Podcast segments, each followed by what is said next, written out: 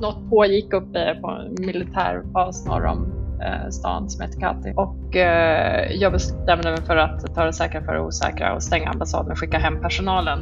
Och den som säger det är Diana Janse, nyligen hemkommen ambassadör till Mali. Aktuell med en brief här på Frivärd om landet där det just nu pågår den farligaste insatsen svensk trupp deltar i. Hejsan allesammans! Det här avsnittet av Säkerhetsrådet ska handla om ett land som nästan är tre gånger så stort som Sverige med 20 miljoner invånare. Och vi gör det tillsammans med en nyss hemkommen svensk ambassadör som för närvarande är ledig från sitt jobb på Utrikesdepartementet. Och det ska ju också tilläggas att du är aktiv moderat. Välkommen till podden Diana Janse. Tack Patrik!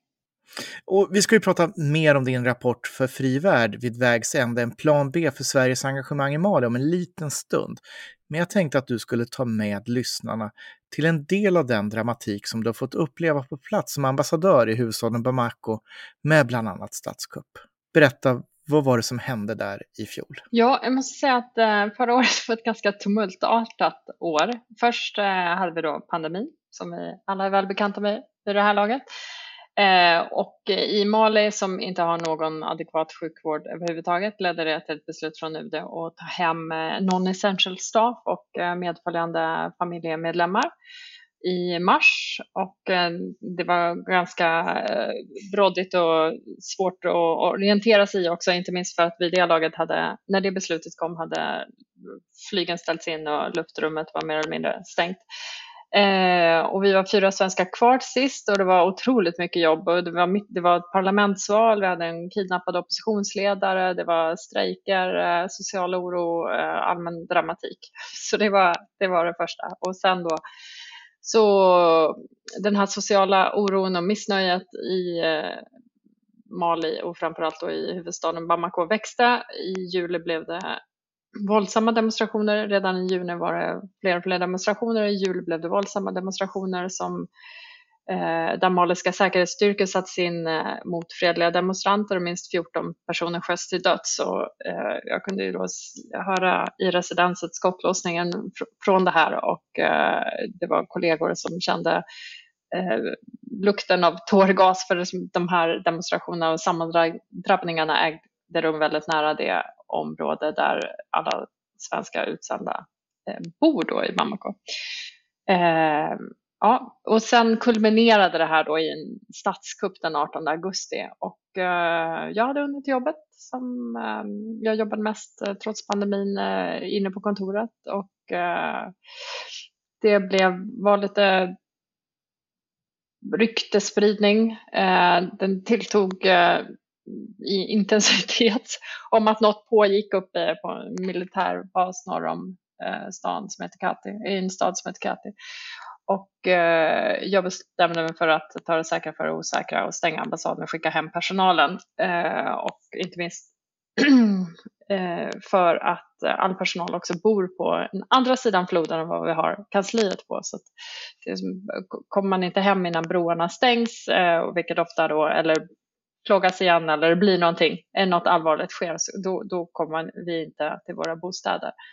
Och det är det som är som, eh, ja, så det var redan trafikkaos och eh, men vi kom alla i alla fall hem och sen under dagen så fortsatte de här ryktena och eh, ja, och typ, juntan gjorde egentligen inget uttalande då under dagen men framåt kvällen då så stod det ändå klart att det här var, eller redan framåt eftermiddagen eh, när det förekom eh, videoklipp på Facebook nu hur ministrar och fördes iväg av militär.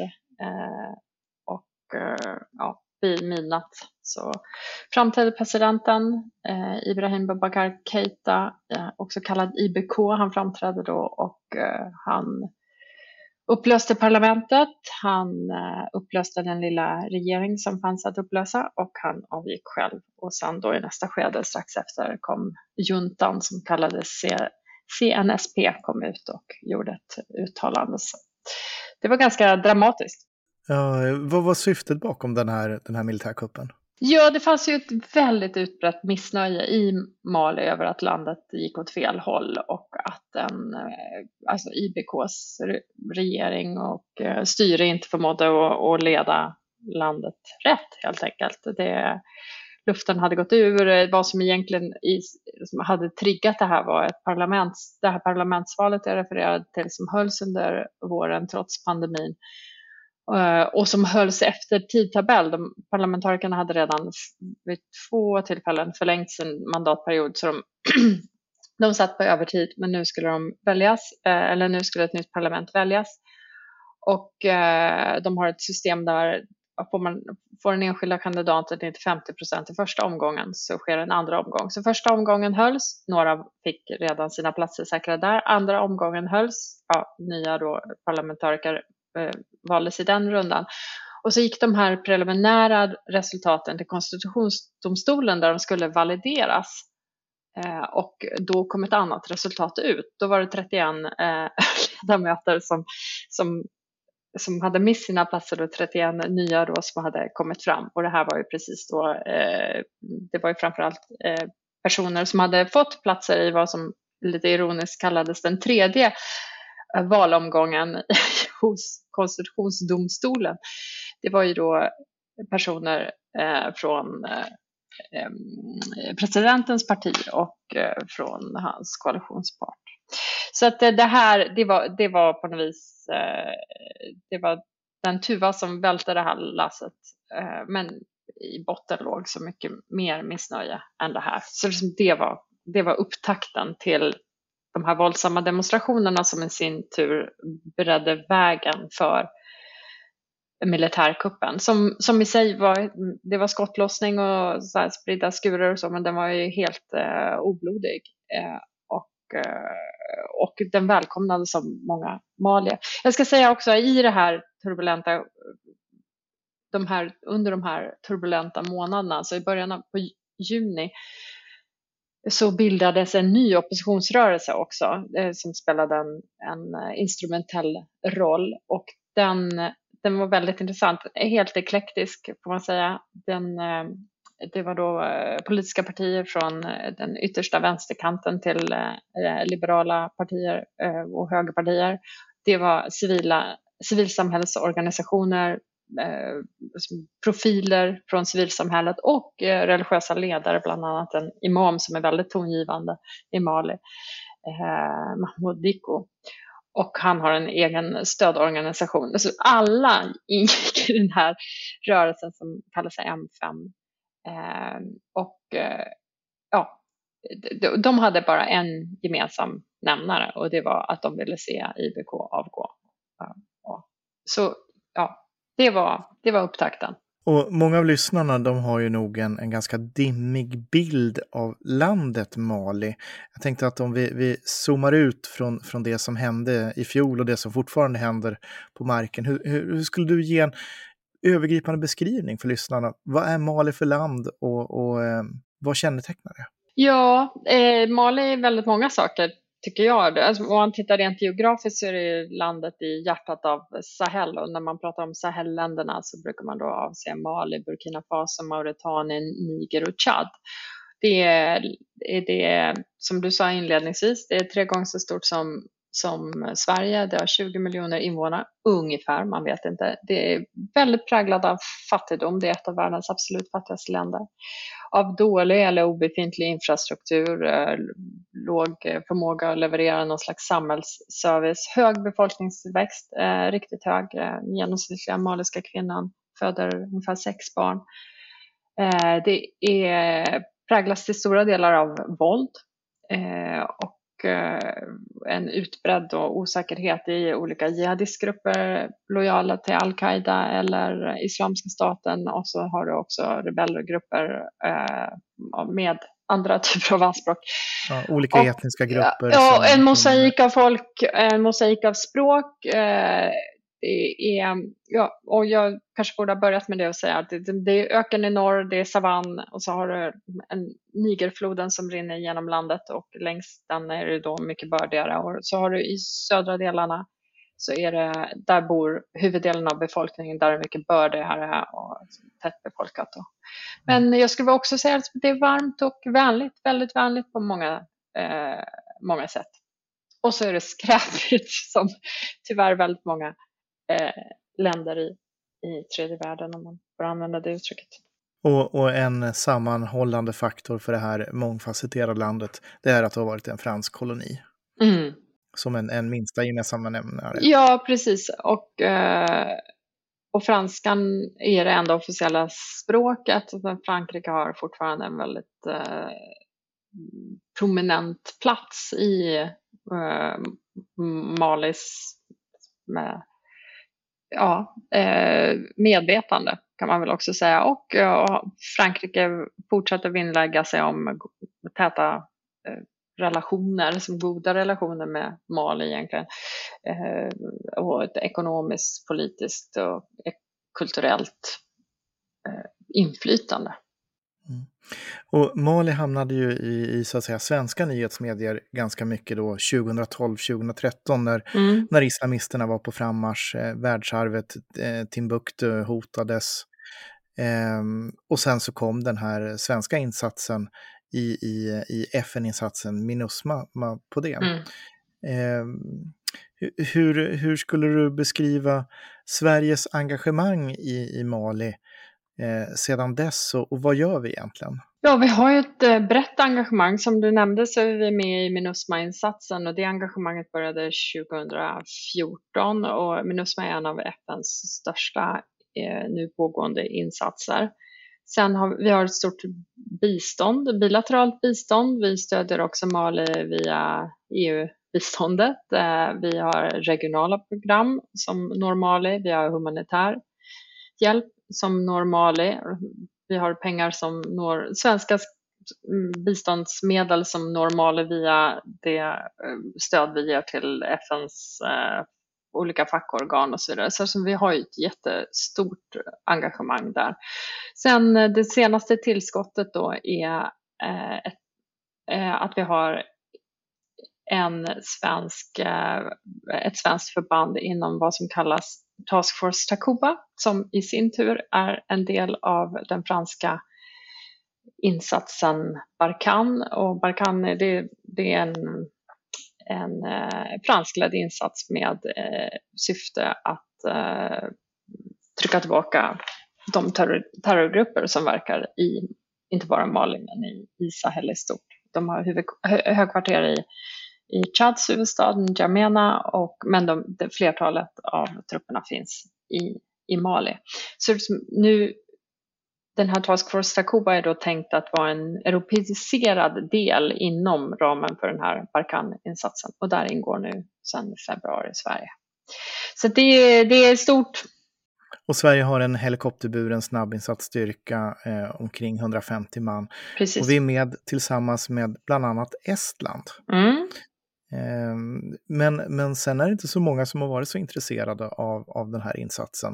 I alla fall inte som är på plats. Tjeckien, ehm, Portugal tror jag på vägen. Jag vet inte exakt hur det har blivit. Eh, men nej, eh, det, diskuter- det är flera länder som har fått, fått inbjudningar och uppvaktas av Frankrike för att ta del i det här. Eh, Norge till exempel. Mm. Nederländerna, men, men avböjt. Så nej, det, det är några få länder som, som deltar rent praktiskt. Och nu senast i utvecklingen här i året i, i Mali så har det varit ytterligare en kupp i år eh, och Frankrike har signalerat att man, man eh, eh funderar kring sitt engagemang i, i, i Mali. Hur, hur, hur, skulle du beskriva nuläget nu 2021? Ja, det är, ja, som du sa, det var, det varit, om vi börjar med att det har varit en kupp till. Det har varit en vad som kallas en kupp i kuppen.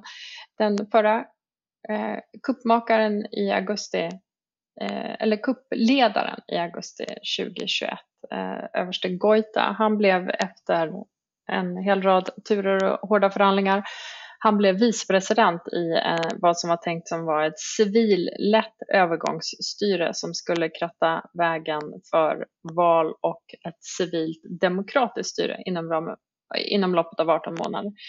den här eh, överste Goita, han blev vicepresident, men då i maj i år så tog han, eh, eller han låg i alla fall bakom detta, att militären förde iväg den civila, eh, den civila president, övergångspresidenten och den civila övergångspremiärministern och förde dem till samma militärbas i, i Kati och sen två dagar senare avgick de. Och varför gjorde han då det här? Eh, som, det är därför det beskrivs som en kupp i kuppen, för det var samma kuppmakare bakom då. Eh, ja, det var för att eh, de hade precis eh, lagt fram en ny regering och i den här eh, nya regeringen hade två av kuppmakarna från kuppen i augusti försvunnit ur eh, regeringsrullan och eh, Goita hävdar då att eh, det, var, det var försvarsministern och det var eh, säkerhetsministern och eh, Goita hävdar då att han som vicepresident med specifikt ansvar för försvars och säkerhetsfrågor hade inte blivit konsulterad i det här och därför hade presidenten och premiärministern inte handlat i, i i enlighet med den övergångsstadga som hade kommit överens om för att liksom, styra den. Eftersom konstruktionen är satt ur spel så hade man den här transitionsövergångsstadgan för att eh, lägga ut ramarna för hur den här övergångsperioden på 18 månader skulle fungera. Så de hade brutit mot dem, menade han. Och nu bryter han själv mot den i och med att han Eh, resultatet av den här kuppen i kuppen är att han nu är president och det stod också uttryckligen i, i övergångsstadgan att han skulle aldrig kunna, han som vicepresident skulle aldrig kunna, kunna ersätta presidenten. Och eh, återigen, det skulle vara ett civilt lätt övergångsstyre och jag tycker det här är, det är en viktig Eh, det är en viktig sak att vi ändå skulle ha, det, det, är en stor skillnad i alla fall i mina ögon att vi har ett militärlett övergångsstyre eller ett civillätt övergångsstyre. Så det, resultatet av det här har blivit en ännu eh, mer komplicerad och försvårad situation. Och det för oss egentligen in som eh, väldigt elegant in i din rapport eh, här på Frivärd, vid vägs ände, en plan B för Sveriges engagemang i Mali. För att eh, den här militära komponenten i, i kuppen och i, i, i Malis styre nu, det förändrar en hel del av de ingångsvärden som Sverige har haft tidigare. Utveckla och resonera mer. Ja, man kan väl, man kan väl argumentera att redan den första kuppen eh, förändrade en del, men det var inte utan våndor som mm, vi ändå landade i något slags eh, slutsats att men det bästa vi kan göra i det här läget och när Ecowas som var den, den regionala samarbetsorganisationen som förhandlade med kuppmakarna där och efter augustikuppen när de hade kommit överens om den här övergångsstadgan. Att det bästa vi kunde göra givet den svåra situationen, eh, det kritiska läget, det var att ändå försöka stötta den här övergången så att vi får inte bara en civilledd eh, styre utan ett civilt och demokratiskt styre på plats så fort som möjligt. Men nu har vi ju nu har ju då situationen eh, komplicerats ytterligare och återigen, jag tycker inte det är en, en liten sak. Skillnad mellan ett civillätt och ett militärlätt. Även om jag ska säga också att det civilledda styret var också lite, eh, vad ska man säga, tveeggat för att den civila presidenten nu som utsågs, han var egentligen en pensionerad militär. Men anyways, eh, Ecowas kunde acceptera det och då är det svårt eh, det är svårt för EU att inta en annan position. Eh, och jag tycker inte det är rimligt heller att EU intar en så mycket annan position i det, i det läget. Men nu i alla fall, efter allt det här, efter alla de här turerna, så tycker jag ändå det är rimligt att svenskt bistånd som har den maliska staten som mottagare, att vi fryser det fram till att vi faktiskt ser att vi får de här demokratiska valen som, som har utlovats, att vi ser det hända och det svenska biståndet är stort, ska vi tillägga, runt 2 miljarder. Ja, men allt det går ju inte...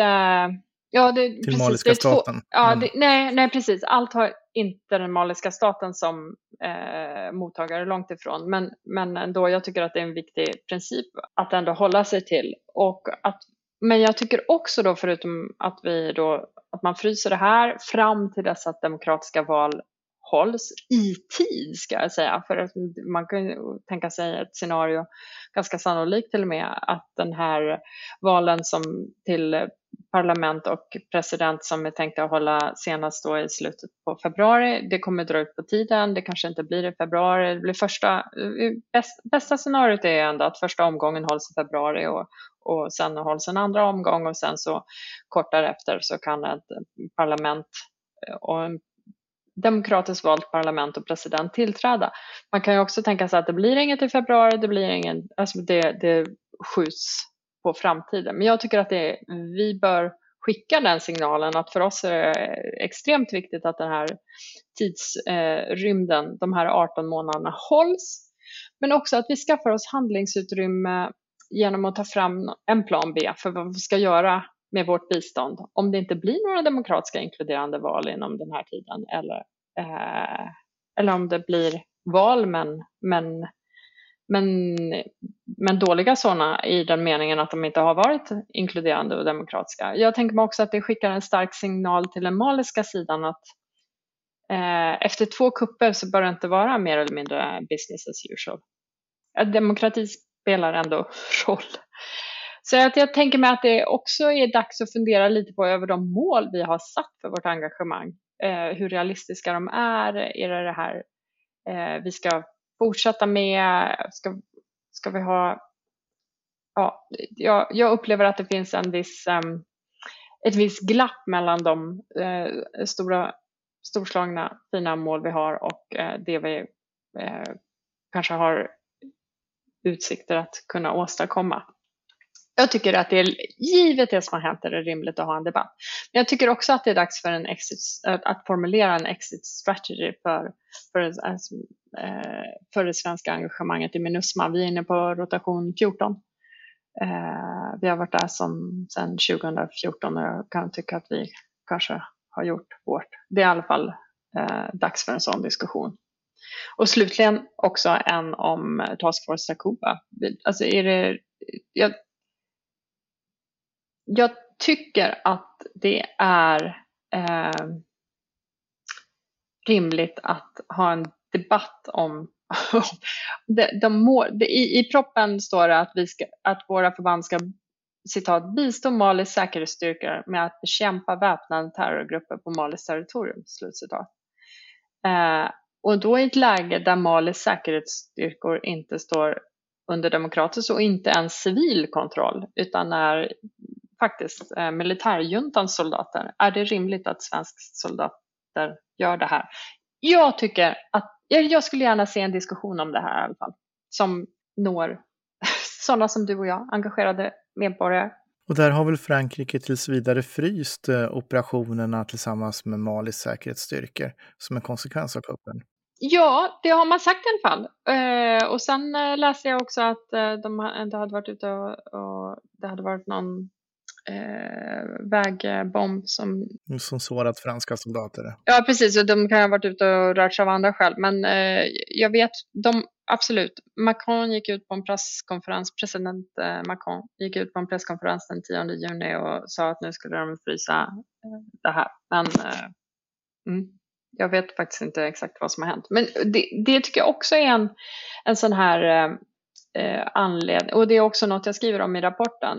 Vi bör också fundera igenom hur, eh, så, hur vi från svenskt håll, när vi nu har bidragit med den här förmågan, eh, högt kvalificerade förmågan till den här franskledda insatsen, hur vi har säkerställt från politiskt håll samråd och operativ insyn i den här franskledda insatsen. Eftersom Frankrike vad jag förstår har gått ut helt unilateralt och säger nu, nu gör vi så här. Jag tycker det är rimligt att man konsulterar med sina partners.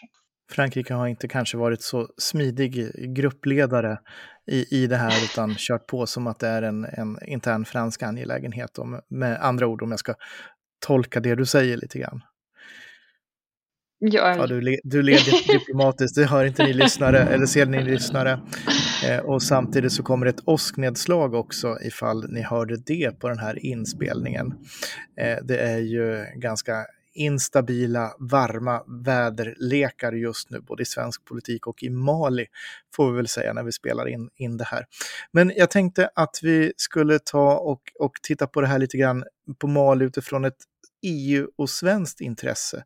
Vad har vi för strategiska intressen, både vi som Sverige och vi som EU-medlemmar i Mali? Och vad är det, vad är det, varför, varför spelar Mali roll? Varför spelar Mali roll? Ja, det har ju varit en del av eh, en fred och säkerhetsstabilitetsagenda. Eh, och vi har ju också hela terroraspekten. Eh, alltså Mali är Mali har en hel rad terrororganisationer som sprider osäkerhet och våld omkring sig och det finns, det finns ju den här uppenbara spridningsrisken såklart eh, för regionen som helhet. Det finns eh, också ett EU-intresse förutom den här antiterroraspekten är ju eh, eventuella migrationsströmmar eh, från, från regionen. Ehm, så det är väl det, det framför allt. Det är en, en, och, och där i finns också det franska strategiska perspektivet i det, att man vill inte ha så att säga på, på EUs slash Frankrikes bakgård eh, och närhet ett eh, starka jihadistfästen och okontrollerade migrationsströmmar som, som sätter press på Europa. Nej, nej. Och, och det är också en del av eh, våldet i Mali har ju visat att det sprider sig till regionen i, eh, utanför Mali, alltså i, till den vidare regionen och det är ju såklart eh, någonting som också vill undvikas. Att, att det här eskalerar och eh, föder instabilitet i allt fler eh, stater med ännu större risker. Förutom för alltså, ur ett fred och säkerhetsperspektiv och eh, fattigdomsbekämpningsperspektiv och så vidare, och så, vidare så, så, så återigen vad det här betyder för migrations, potentiella migrationsströmmar och eh, terrorgruppers förmåga att sprida sig, att frodas, att eh, slå till i Europa. Sverige avslutar ju nu också sin insats i Afghanistan efter 20 år. Vad, vad, vad ska vi i väst göra för att Mali inte ska bli ett nytt Afghanistan? Eh, 20 års insats och sen känslan av att det rullas tillbaka åt, åt fel håll. Ja, det om jag visste det. Eh, men jag, jag, tänker mig att en del är väl just att faktiskt eh, kosta på sig att inte bara rulla på eh, i gamla hjulspår utan ta detta tillfälle att eh, göra en halvhalt och fundera på vad vi håller på med, vad, hur realistiska våra mål är, vad är det som gör att efter, trots att Mali då under åtta års tid har fått eh, en aldrig tidigare skådad uppmärksamhet och stöd från, och engagemang från omvärlden så har situationen bara försämrats säkerhetsmässigt. Eh, är det, är det något vi kan göra annorlunda eh, innan, vi, innan det har gått 20 år inom samma trend? Och det är klart att man kan hitta parametrar enskilda parametrar där saker ser lite bättre ut på grund av europeiska eller insatser. Men, eh, men på det stora hela så är det, har det blivit sämre. Och I Afghanistan är också problemet att vi har haft eh, ett enormt internationellt engagemang under två decennier eh, militärt och biståndsmässigt och ändå så, så är det fortfarande ett land eh, präglad av djup, svår konflikt och eh, våld. Så jag tror att ett sätt att inte hamna där för Mali är åtminstone att fundera på vad gör vi när more of the same inte fungerar istället för att bara rulla på.